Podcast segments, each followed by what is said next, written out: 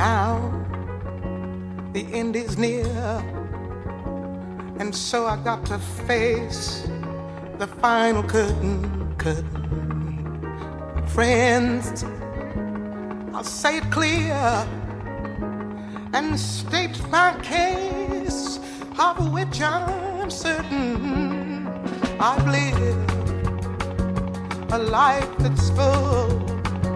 I've traveled and every highway and more, much more than this. I did it my way.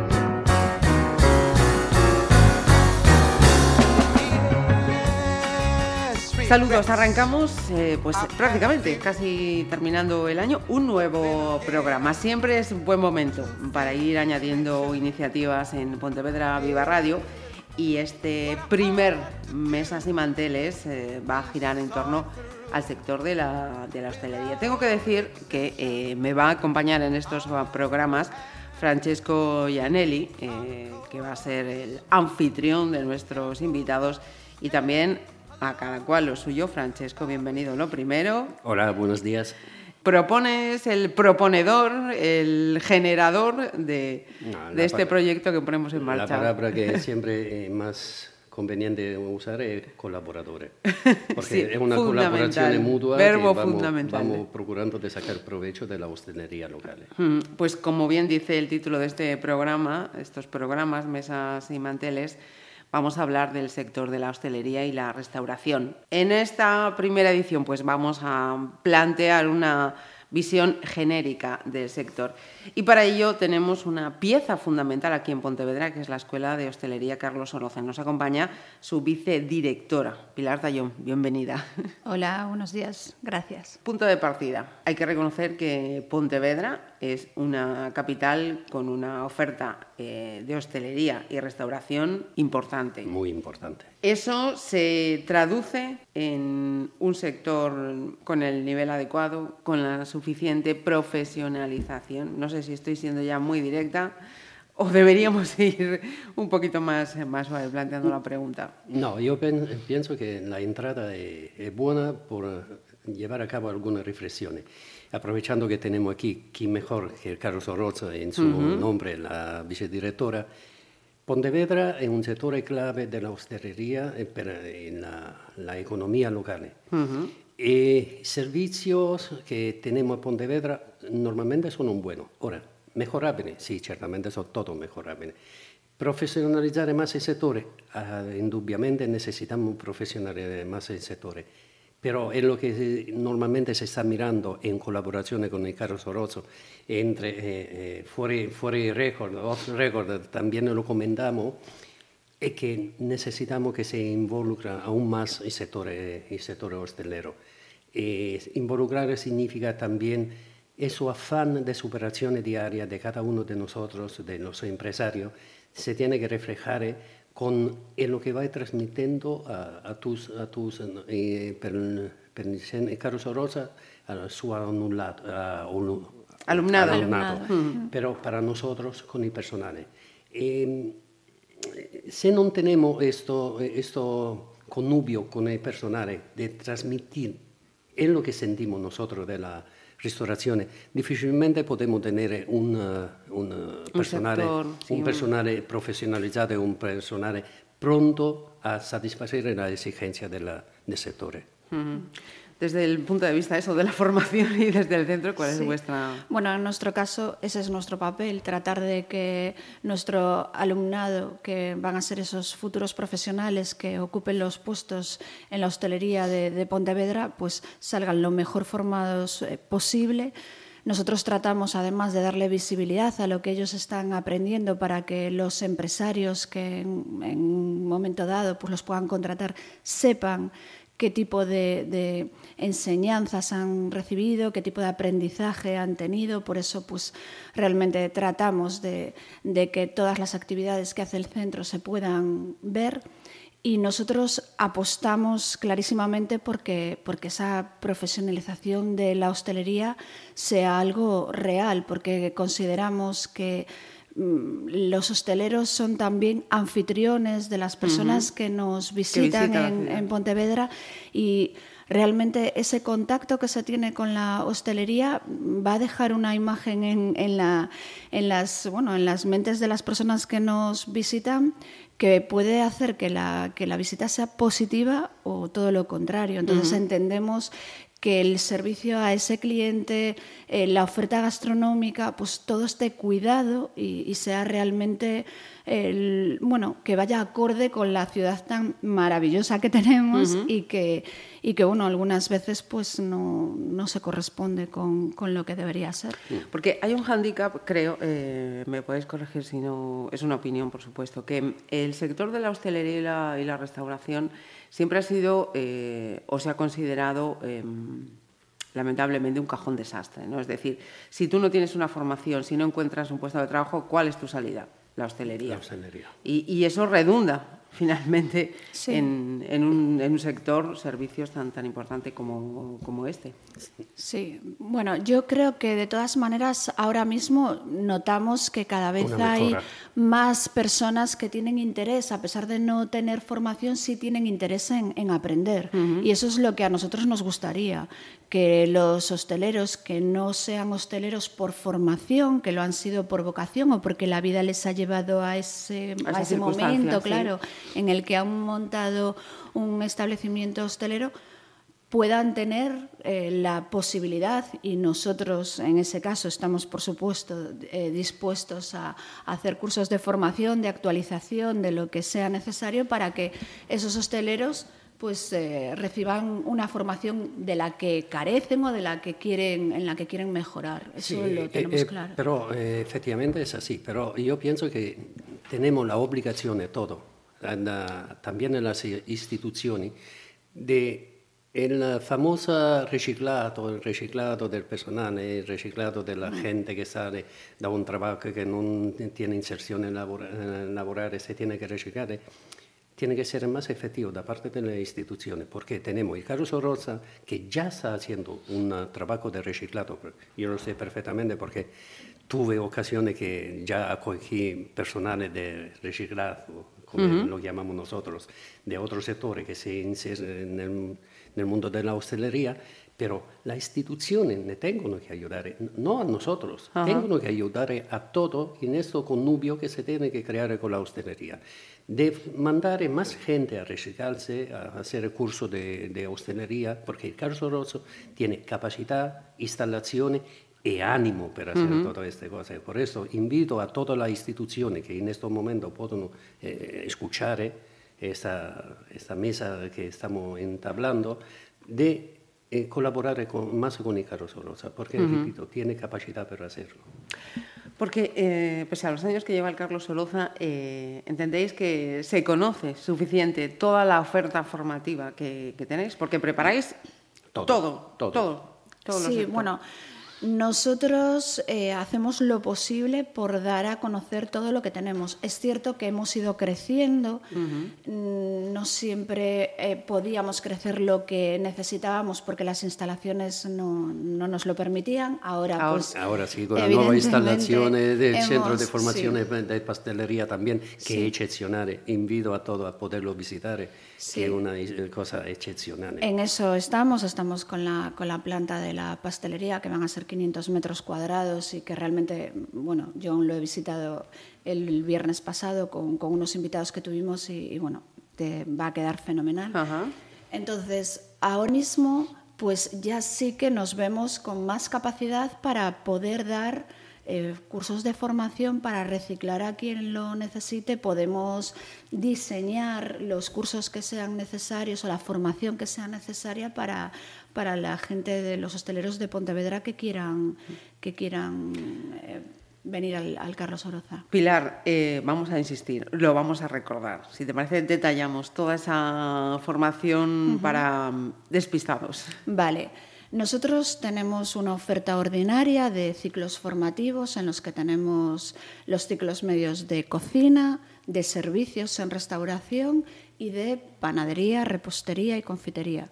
Y además tenemos los ciclos superiores de dirección cocina y dirección servicios. Esto en lo que se refiere a la hostelería, pero es que también tenemos turismo, que son los ciclos superiores de guía, información y asistencia turísticas y el ciclo superior de gestión de alojamientos turísticos.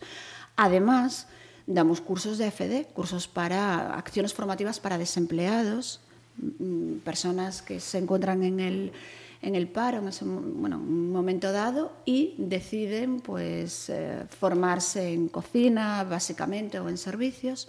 Además, eh, tenemos un, bueno, en el centro un procedimiento de acreditación de competencias profesionales que en este caso es lo que menos se conoce. Hemos tratado de, de difundir este procedimiento porque para personas que llevan muchos años trabajando, mm, vamos a poner el ejemplo de un cocinero que lleva desde muy joven trabajando, pero no tiene una titulación que demuestre que él tiene las competencias que por la experiencia que tiene, sí las, tiene. las tiene de sobra.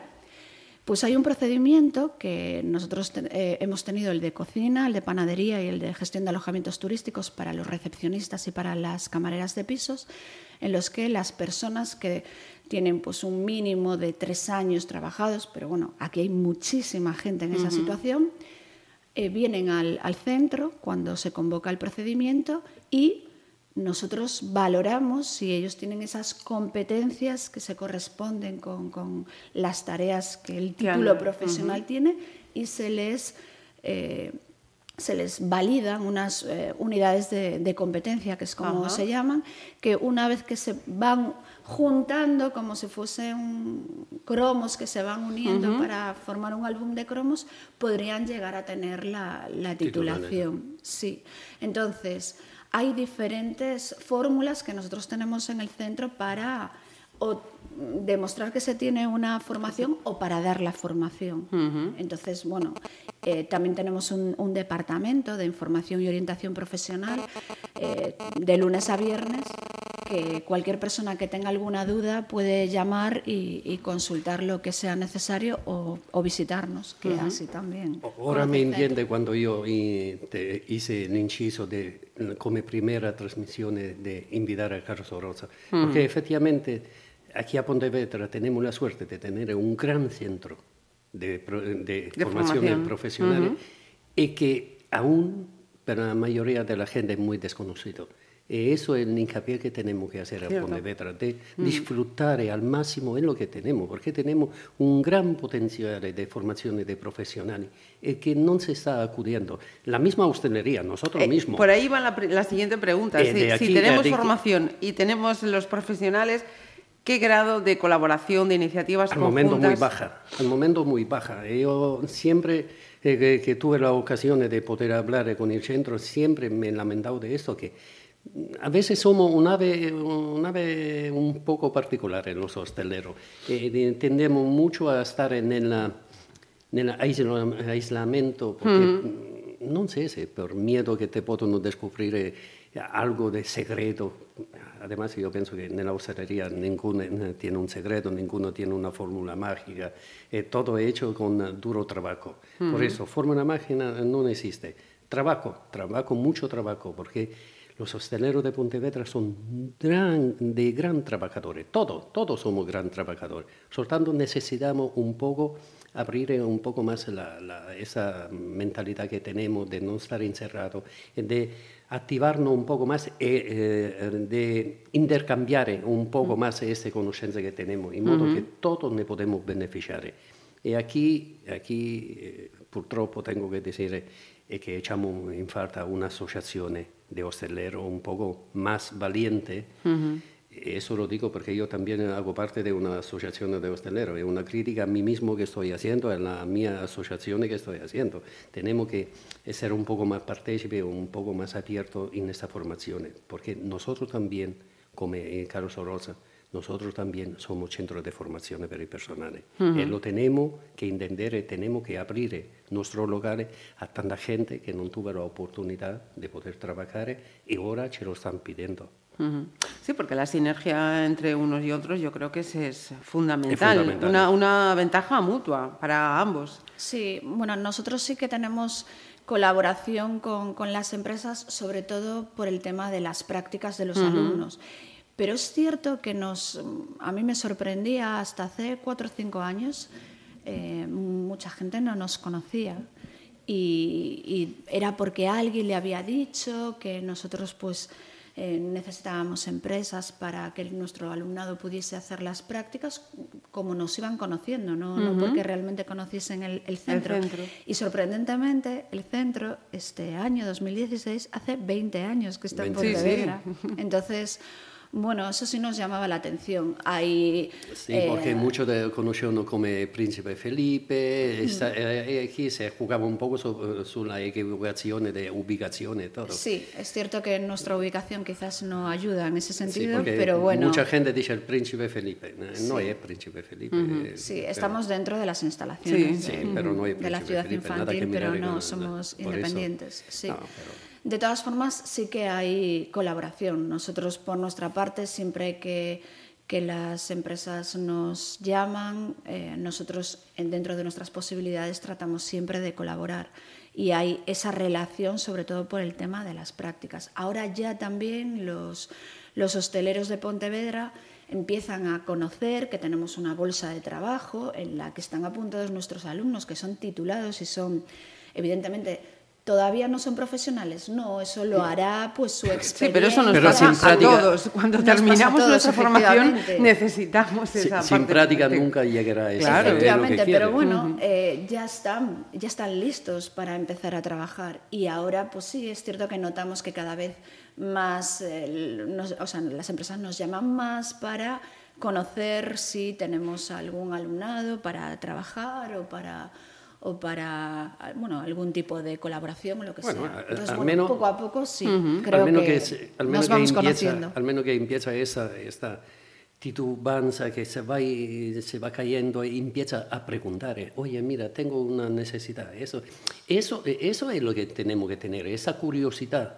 Esa curiosidad de no, no, más, no estar atrás, no preguntar Chiamiamo al caro Soros. Tengo un problema de personal. ¿Tenéis alguna solución para nosotros? Es que incluso cuando hablabas en el colectivo del, sector, en la asociación del sector, pienso que hasta sería idóneo que hubiese representación pues, del centro del Carlos Soroza, porque pero Supongo que, que, os surgen dudas, os surgen eh, inquietudes y, el centro pues, puede colaborar a fin de cuentas, ¿no? aportando ideas. Oye, vemos que Pontevedra necesita esto o que mm, puede ser bueno que se incluya esto. Hombre, desde luego dar nuestro punto de vista mm, sí que estamos dispuestos a, darlo. Claro, pero entiendo que es un paso del sector, no Claro, no nuestro, efectivamente. Eh, nosotros tenemos muchos compañeros que han estado, antes de ser profesores, pues han estado en, en la empresa privada, conocen bien cómo es el sector y ahora ellos pueden eh, valorarlo desde los dos puntos de vista, desde el de la formación y, del, y desde eh, el punto de vista de, de, un y aquí va la autocrítica que yo hice ya en partenza diciendo, soy miembro de una asociación que pero reconozco que al momento estamos haciendo muy poco por poder potenciar aún más el sector. Y seguramente con calma, con uh, mucho trabajo, saldremos adelante y empezaremos a, a dar criterio más sensato de, de de lo que pensamos de la hostelería y seguramente llegaremos a tener eh, contacto más directo con, eh, la, eh, con el Carlos Rosa. Pero necesitamos, necesitamos de verdad que la gente empiece a, dejar esto, eso, eso mirarse un poco autónomo en el sentido que autónomo en todo tenemos que un poco globalizar más el sector, tenemos que aunar fuerza para poder sacar adelante que esos proyectos comunes que Pontevedra. Pontevedra, eh, ahora como ahora, repito, tiene muchísima eh, potencialidad, pero mucha de esa eh, potencialidad aún están latentes, no, están sacadas a la luz, necesitamos hacerlo. Porque, por ejemplo, eh, iniciativas que mm, nos comentaba Pilar antes, esas iniciativas que hagan eh, visibilizar el centro, ¿no? Efectivamente, pues cuando hacéis eh, llamadas para almuerzos, eh, presentaciones, en, en, fin. Actividades que hacemos en la sí, calle para que nos conozca la gente. Recuerda sí. más una muy interesante con, con, la ONCE, que habéis hecho guías para personas con, con sí. discapacidad En visual, eso somos un centro puntero. Uh -huh. Este este jueves y este viernes vamos a colaborar con Proturga, que son los profesionales del turismo de Galicia, en, la realización de un foro que se llama del turismo accesible al sensitivo, porque bueno, nuestro centro lleva cinco años trabajando en que la formación de nuestro alumnado tenga un complemento que es la de saber atender uh -huh. a personas que tienen algún tipo sí, de discapacidad. discapacidad. Es que nos parece básico, Ajá. sin embargo en el currículum de los ciclos no aparece y sin embargo pues son personas que van a venir a un restaurante y hay que saber atenderlas correctamente, que van a venir a la oficina de turismo, que bueno, sí, eso de involucrar menos... también haciendo uh -huh. cata seca como hiciste que el invitado está vendado, no mira sí. lo que tiene, tiene que cercar de disfrutar sin, sí. sin tener Bueno, eso. es ponerse en el lugar, en el lugar de, de, esas jefe. personas sí, sí, que realmente hasta que te pones en su lugar no te das cuenta, no, no te das cuenta, no eres consciente de, de, las dificultades que ellos se encuentran cuando llegan a un, a un restaurante, uh -huh. por ejemplo.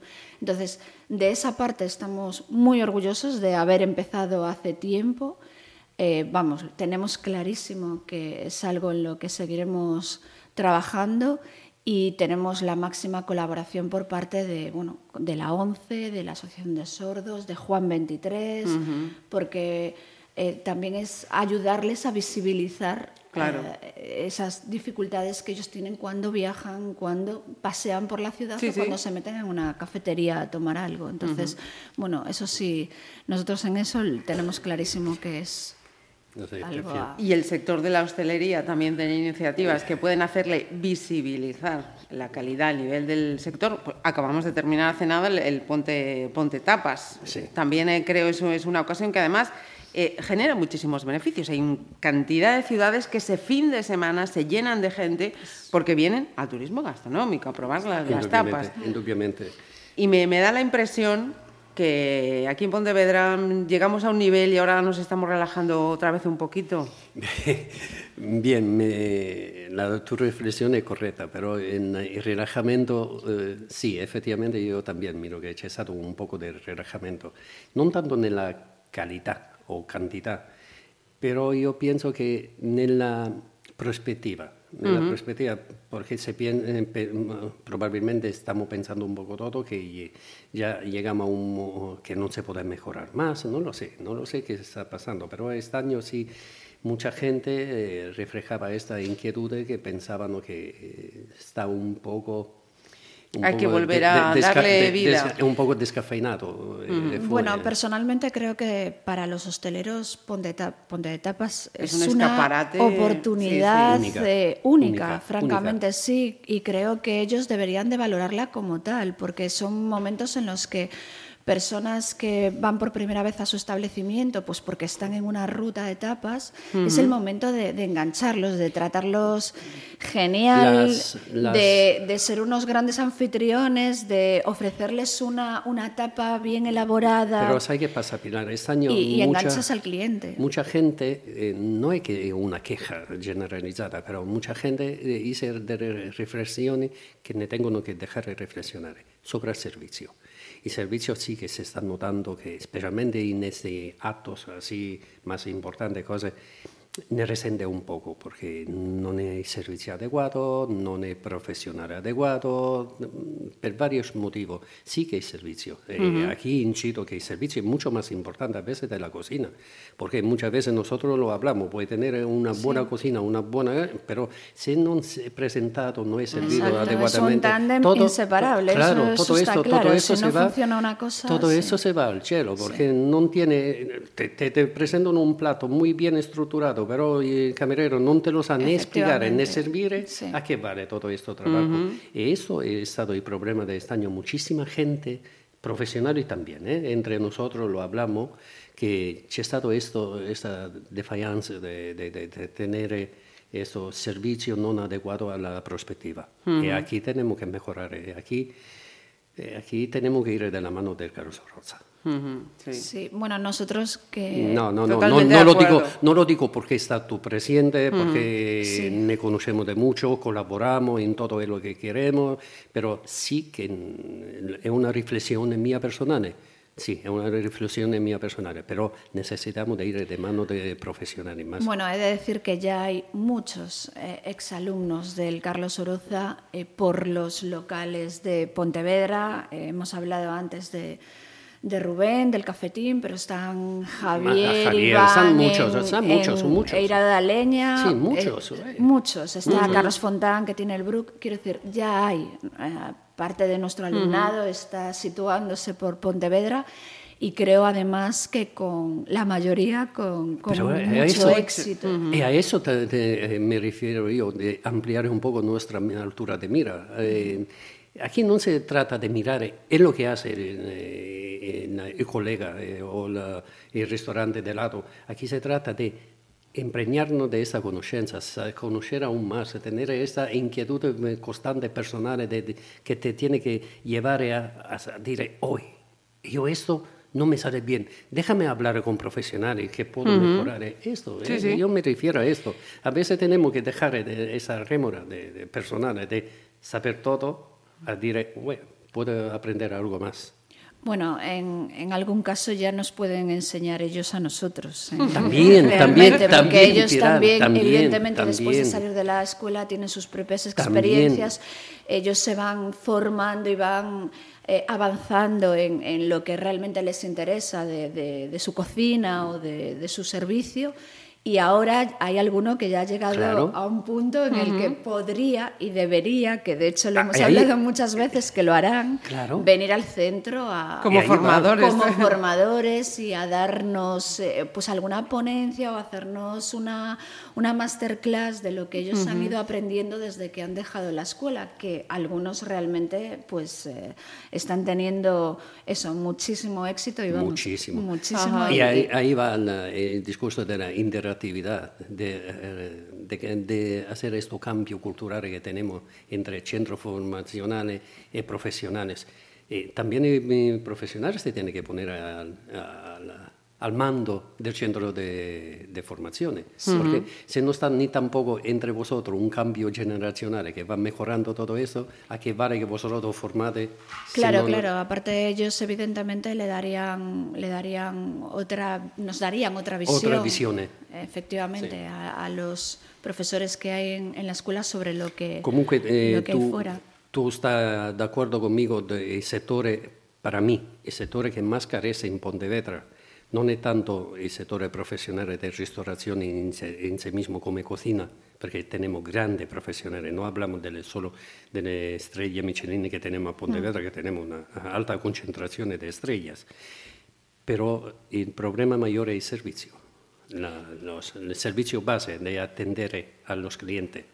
Quizás eh, sí, tengo que decir que sí. Eso es lo que, bueno, el comentario generalizado, tanto en el centro como, como cuando comentas con cualquier persona eh, que algunas veces pues va por, por los locales de Pontevedra, sí es el, el servicio lo que, lo que debería de, Cuidarse. de cuidarse un poco más, de dar un paso más eh, en, en profesionalizarse y en entender que son la cara del Mira, yo- establecimiento. Yo, muchas y- veces me, me vuelvo loco, porque yo soy un bicho raro, pero me vuelvo loco. Yo no puedo concebir pasar en un restaurante o una cafetería o un bar, es lo que sea, y mirar fuera el personal que está fumando, todas estas cosas, todas estas cosas va a discapito della professionalità.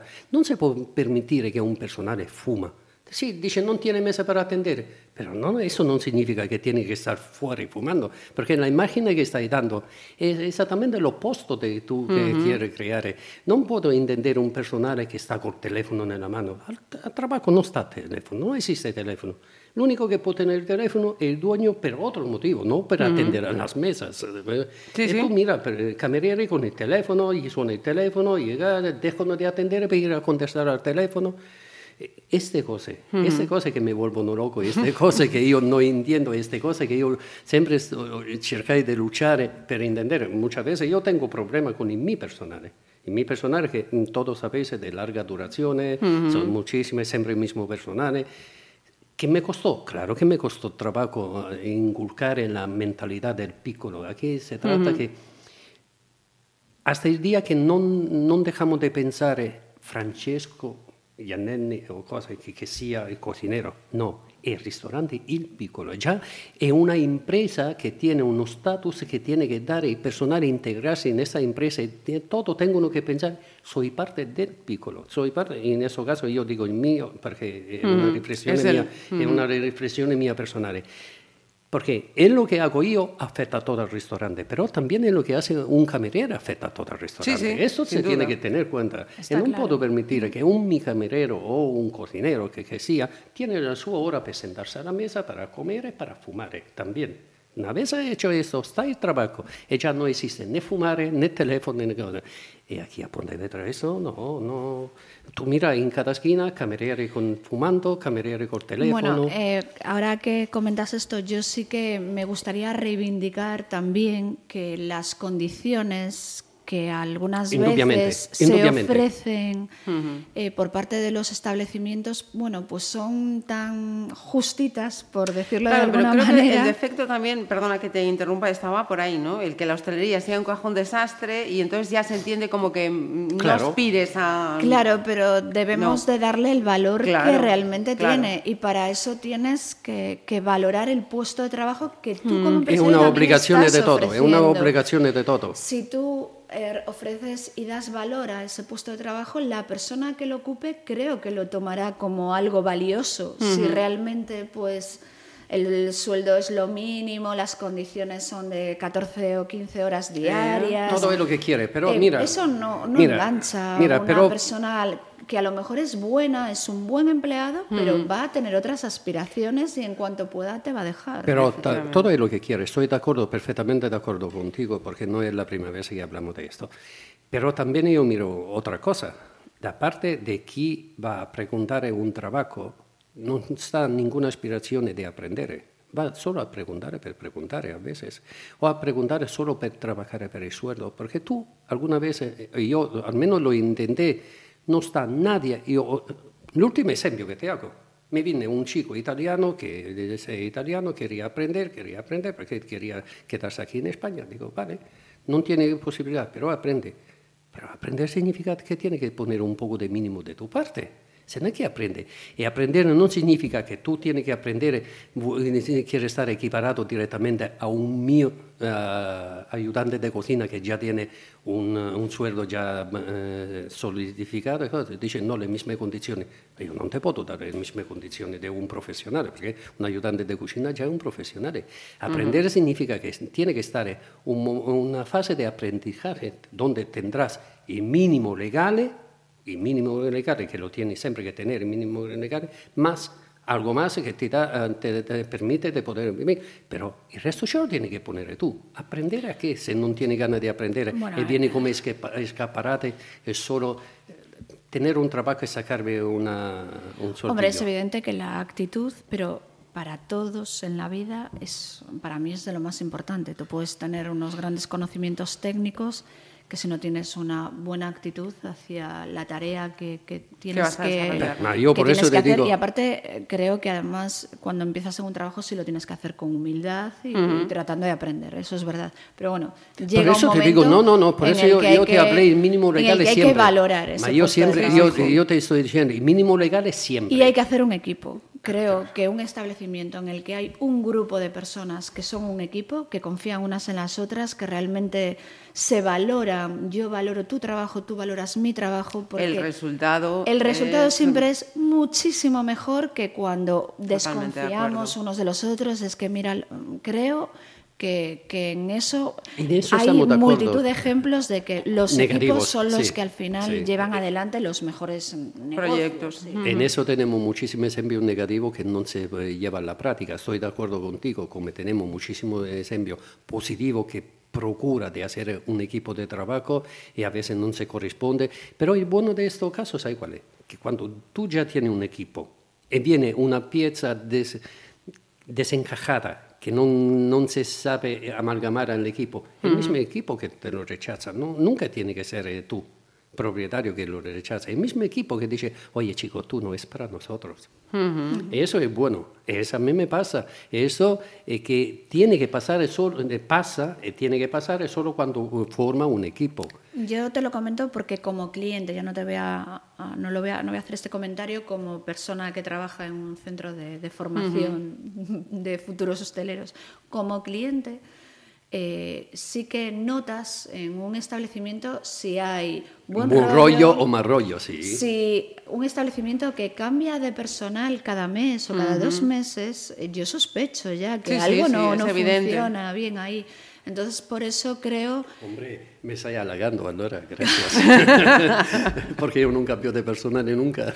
bueno, pero creo que eso es un, valor y hoy en día eh, es un valor realmente, porque yo veo muchos establecimientos que cada dos meses cambian de personal y y eso a mí me da una inseguridad como cliente, te lo digo. Es ahí que es bonito cuando llega un, cliente de toda la vida y sigue cambiando, eh, te llama el personal eh, por su nombre, porque le conoce a todo personalmente. Oh, hola, José, hola. Eh, claro, y aparte si ellos se sienten a gusto y hacen que el, negocio, aunque no sea el suyo, lo sienten que lo tienen que defender, eso siempre va a ir mucho mejor que... Eso es enorme. Eso, eso es así.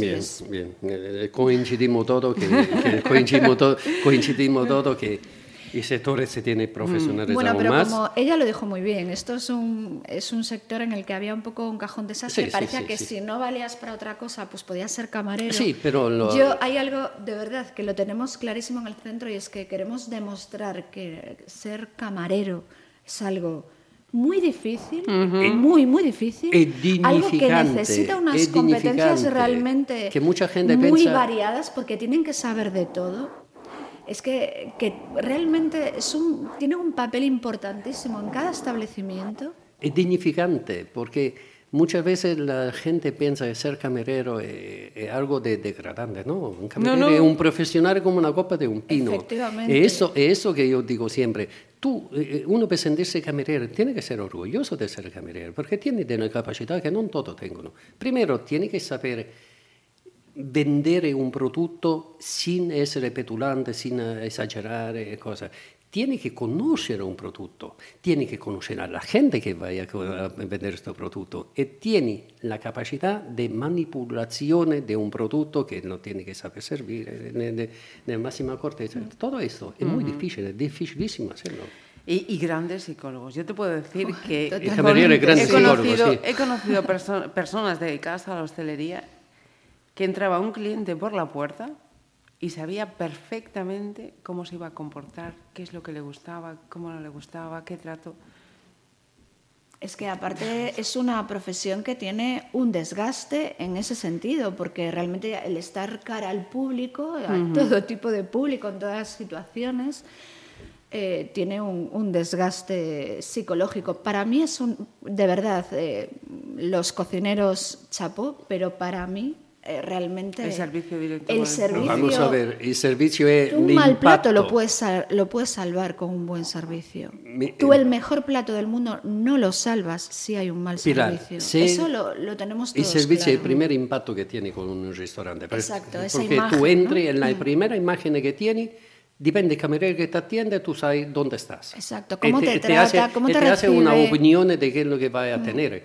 Sí, a todo. A mí, a mí me gusta que yo entro en un restaurante, ese invierno que tengo un abrigo, te cogen un abrigo, te lo pongo, te llevan a la mesa, todas estas cosas, uh -huh. las cosas más básicas, ¿qué cosas básicas? Es que te hagan un grande restaurante a veces, en la atención primaria, que uh -huh. cuando tú entres ya te tiene que sentir a gusto, a eh, ser atendido sí. a gusto. Uh -huh. eh, no, vaya, siéntate ahí. Ya, a mí, yo voy a un lugar así, yo ya me doy vuelta y me voy. Sí, sí. Bueno, pero aparte es que realmente ellos tienen eh, como, como eso, como competencias el conocer tantas cosas porque tienen que saber de cafés, de vinos, de todo tipo de bebidas espirituosas, licores, lo que sea, sí, como esa, marida, ahora de panes, ahora de... Esa formación te lo da también en local, ¿eh? Bueno, te, tiene, te tiene que formar Se el trataría de restaurante. que, evidentemente, cada local que tiene unas, una especialización. Tú puedes tener la efectivamente, base, pues, eh, eh, tú lo haga, le pero puedes ellos mandar tienen- un, un cameriere profesional, pero cada lugar, come cada maest- eh, maestri- eh, maestro, Maestro su tiene eso. Cada lugar tiene la su costumbre donde tiene que il cameriere entrare anche nella mentalità del ristorante per poter hacer Pero bueno, ellos tienen que adaptarse, o sea, un, un camarero tiene que saber eh, trabajar en tu local, que es un. Un cameriere, local primera de- cosa, tendría que saber lenguas, cosa que nadie sabe. Claro, algo, pues Primero. efectivamente. Claro, volvemos al Primero. tema formación. Sí. La formazione. Sì, però Sì. un cameriere también che tu non tieni la suerte di tenere una formazione, te quiere poner come cameriere e lo, lo hace bien. También tiene que sacar un poco de tiempo libre para estudiar por tu cuenta, porque si te viene un extranjero, ¿tú qué haces? Tiene que Hombre, lo hemos vivido aquí en básica. Pontevedra con Sí, todas todos los años lo vivimos. iniciativas internacionales de deporte, sobre todo, Sí, que están todos los años lo vivimos. viniendo y, y ya ha habido casos, la verdad es que muy llamativos, Las ¿no? quejas, de cómo la reclaman en el... Sì, la queja generalizzata che non tiene attenzione in lingua extranjera. Y el horario, que tampoco se habían adaptado a esa demanda de horarios con unos hábitos Bien, diferentes, bien. en fin. Pero eso, Claro. eso ya es también culpa un poco del sector hostelero. Sí, sí, no, no. Hotelero, Sí. hotelero, porque el hotel Y- te puede Bueno, pero eso era una gran oportunidad de demostrar que somos anfitriones y nos sabemos Claro, adaptar claro, a las necesidades Por de las te- personas que nos ma están por eso- visitando y por en eso ese estamos- momento... Por eso estamos hablando de activar un poco todo el sector, Mm. un poco el sector. Sa una, un- algo del deporte internazionale, bien, todos los hoteles que tengo, si chiamano a un ristorante e dicono, oye, io tengo un gruppo, de, eh, te state interessato a dare un orario distinto, allora ahí sí que se, se puede llegar a un acuerdo, pero tiene que ser interactividad con, Claro, con claro. Sì, sì. perché un ristorante non può cambiare l'orario solo perché sta una manifestazione o cosa. Io lo cambio solo quando es esta gente disponible a venire a ese orario que me piden. Porque yo no puedo cambiar todo el trabajo de un, un restaurante, todo el, el cameriere. Viene una hora antes, eh, sí, pero se vengo una hora antes, Bueno, tiene que marchar una hora un antes. poco de flexibilidad. en- Sí, pero en- si viene una hora antes, te tiene que marchar una hora antes también. O tiene Claro, que pagar, claro, eh, bueno, pero tiene que pagar en hora extra. eso. eh, todo eso va, va solo y cuando está una demanda. Pero si uno no está una demanda. Pero son aparte de oportunidades. No, no, no, yo me refería Sí, a eso, a, a ocasiones, a oportunidades. ocasiones como esa, que son un número muy importante de personas que estamos, em, pienso, que pudiendo aprovechar un, un gran momento para que esas personas sin ese evento puedan, puedan volver y ese escaparate acuerdo, es, es pero todo fundamental. tiene que ir de la mano. El horario tiene que ir de la mano también con la atención. Efectivamente, la atenzione sí, sí, sí, lo sí. tiene que saber aten- atender en una lengua, en una lengua internacional, eh, en este caso el inglés. Eh, Pero yo abro antes y no tengo ningún personal que los atiende en inglés, ¿y qué hago? ¿Qué, qué estoy haciendo? Me estoy dando un mazzazo en, en la cabeza automáticamente, porque es lo que estoy demostrando que no estoy a la altura de poder atender a, una, a- un cliente internacional. Eso que tiene Sí, que sí. cambiar también. Eh, junto con el sector, nosotros, hosteleros, tenemos que profesionalizar aún más, sí. Y tenemos que profesionalizar el sector de servicios, sí. Tenemos que, sí, todo es lo que quiere, pero también el personal tiene que poner ese pizzico de su Mm, de parte su que parte. durante el tiempo libre, si no dispone de un dominio de la lengua extranjera, de estudiar por tu cuenta un poco de lengua, al menos el básico. Nosotros también, la hostelería tiene cursos de formación para el personal, que además son bonificados. Y cuando le decimos al personal, oye, vaya a hacer un curso de inglés, te dice, no, no tengo tiempo. ¿Qué hacemos? Pues, Claro, bueno, Tener- también ten- depende tendría mucho que ser- de los horarios tendría- que ellos claro, tienen. tendría, no, no, a veces fuera de horario de trabajo no tiene tiempo para nada el personal. ¿Tendría que ser obligatorio? Sí, tendría que ser obligatorio, porque si tú quieres trabajar en un sector como la hostelería, tiene que tener al menos el mínimo de conocencia básica de lengua extranjera, al menos el inglés. Bueno, desde luego el, el en los sí. ciclos Sí, formativos lo sé, de servicios sé, tienen sé, el pero- ciclo medio tiene sí, pero inglés yo no y estoy el ciclo hablando- superior tiene inglés y francés. Pero yo no estoy eh, hablando de Carlos. Rosa en ese momento, yo estoy hablando de servicios Bueno, pero son que profesionales que, que van a salir a trabajar Sí, en... ahora, pero todo Ya. lo que está allá también tiene Bueno, que y que ya han salido, de hecho. Lo que pasa que, bueno, sí es cierto que también hemos detectado muchos alumnos que se van fuera. Se van fuera, ahora bueno, contactan con nosotros, están en Inglaterra, muchos que se han quedado en Malta, por ejemplo, porque nosotros tenemos un programa de becas Erasmus, eh, tenemos la carta Erasmus y cada año pues mandamos unos 21 alumnos aproximadamente que se van a hacer las prácticas fuera. Y en el caso de Malta, que tienen una necesidad de personal de, de hostelería bien formado, se los quedan a todos. Anda. Se los quedan a todos. El año pasado todos los que mandamos allí se quedaron a trabajar. Menos uno. ¿Eh? Menos uno. Menos uno. Que volvió. Eh, no sé cuál fue. Ah, ah, no te digo. Vale. lo, lo tuve yo. Ah, lo tuviste tú. Bueno, pues menos ese. El resto de turismo, de alojamiento y los de cocina se, Sí. se quedaron en, en Malta trabajando. Eh, por ejemplo, se han ido a, a hacer prácticas a Croacia, al Hilton de Dubrovnik, y bueno, porque no hay la posibilidad de que se queden a, trabajar allí, puesto que Croacia no puede contratar eh, eh, no, trabajadores españoles, igual que los que España no puede tra- eh, contratar a trabajadores que no eh, entra croatas por, sí. por tener bueno, la tasa de paro tan alta y como ese acuerdo. Nosotros no lo sabíamos. Nos enteramos cuando se quiso contratar a los alumnos y no fue No, posible. yo tampoco me acabo de enterar ahora. Ya, pues nosotros nos enteramos en ese momento, pero también querían haber, haberse quedado con ellos porque es, son también eh, alumnos que van con una actitud Ajá. de aprender, de mejorar el, el- el idioma, que eso es básico, y muchos sí quieren eh, quedarse allí, continuar allí, continuar trabajando para continuar mejorando. Lo que pasa que, bueno, en el caso de Malta sí es posible, en el caso de, de Croacia no.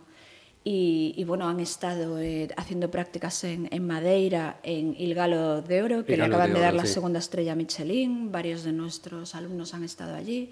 Y, y son experiencias diferentes, pero hay que tener la actitud. No todos los alumnos tienen la actitud de irse fuera, de quedarse, de estar sin su familia. No todos la tienen. Entonces, me siempre, da- me da- siempre, siempre es cuestión de Me actitud. dais, me dais razón en lo que estoy diciendo. Bueno, te doy la razón en el que, en el que Es lo que evidentemente falta, esa curiosidad personal hay, que te, hay que tener te porta actitud, claro. pero en todo, en, En todo, en la Claro, vida, todo, no solamente, efectivamente, totalmente de aquí, acuerdo. aquí eh, queda latente en lo que te dice al inicio. eh, Tenemos la oportunidad de tener un gran centro de formación y que no estamos disfrutando como lo tenemos que disfrutar. eh. Sí, es verdad, no te- podríamos Claro, disfrutar porque la aún misma más. actitud de los hosteleros hacia el Carlos Oroza es diferente. Hay gente que diferente. realmente lo ve como un aliado, hay gente que no realmente pues no le presta atención porque no considera que le pueda aportar nada. Eh, pues eso depende de, de- de la actitud con la que se mire al, al centro. Al final Pues es todo cuestión de actitud. En mesas y manteles eh, tenemos la idea clarísima de que sois un gran aliado y, y socios necesarios, además las dos más partes. que necesario, Sí. más que necesario. Francesco, eh, nuestro anfitrión en mesas y manteles, muchísimas gracias. Muchas gracias a vosotros. Pilar Dayón, también vicedirectora de, de la Escuela de Hostelería Carlos Oroza, gracias por acompañarnos. Muy interesantes reflexiones. Vamos a ver si cuando volvamos gracias. a llamaros hemos dicho, hemos dado otro pasito, ojalá. Pues encantada y ojalá, ojalá que, que de aquí los que nos estén escuchando Ah, no, eh, yo tengan invito. el interés y la actitud de venir a conocernos y de contactar con nosotros para lo que necesiten. Yo invito a todo, a todo eh, eh, sin, sin mirar en la profesión que tengo, ¿no? de poder acercarse a Carlos Oroza, porque de verdad es un mundo de descubrir. eh. Ahí mira de- de- de- detalles de la vida cotidiana que se reflejan en el servicio, en, la, en, el estudio, en todo. Y además tengo una instalación de fare invidia al más grande de Europa. eh. Eso, eso es Bueno, eso eh, tenemos mucho mí- que me mejorar, el- mucho que la mejorar, huerta, pero la bueno. huerta me ah, la huerta sí, la la, huerta ha me sido encanta. una idea de unos profesores Sí. y realmente, eh, bueno, yo les felicito porque de un espacio Sí, que no había nada fabuloso, están fabuloso. haciendo algo realmente súper interesante, súper bonito además estéticamente y con el que los alumnos están aprendiendo un montón. así que Bien, sí que por eso, no me dejáis huérfano de esta grande idea y seguid mirando a la hostelería local, por favor. Pues invitación para visitar el Carlos Oroza e invitación para el próximo Mesas y Manteles, 16 de diciembre.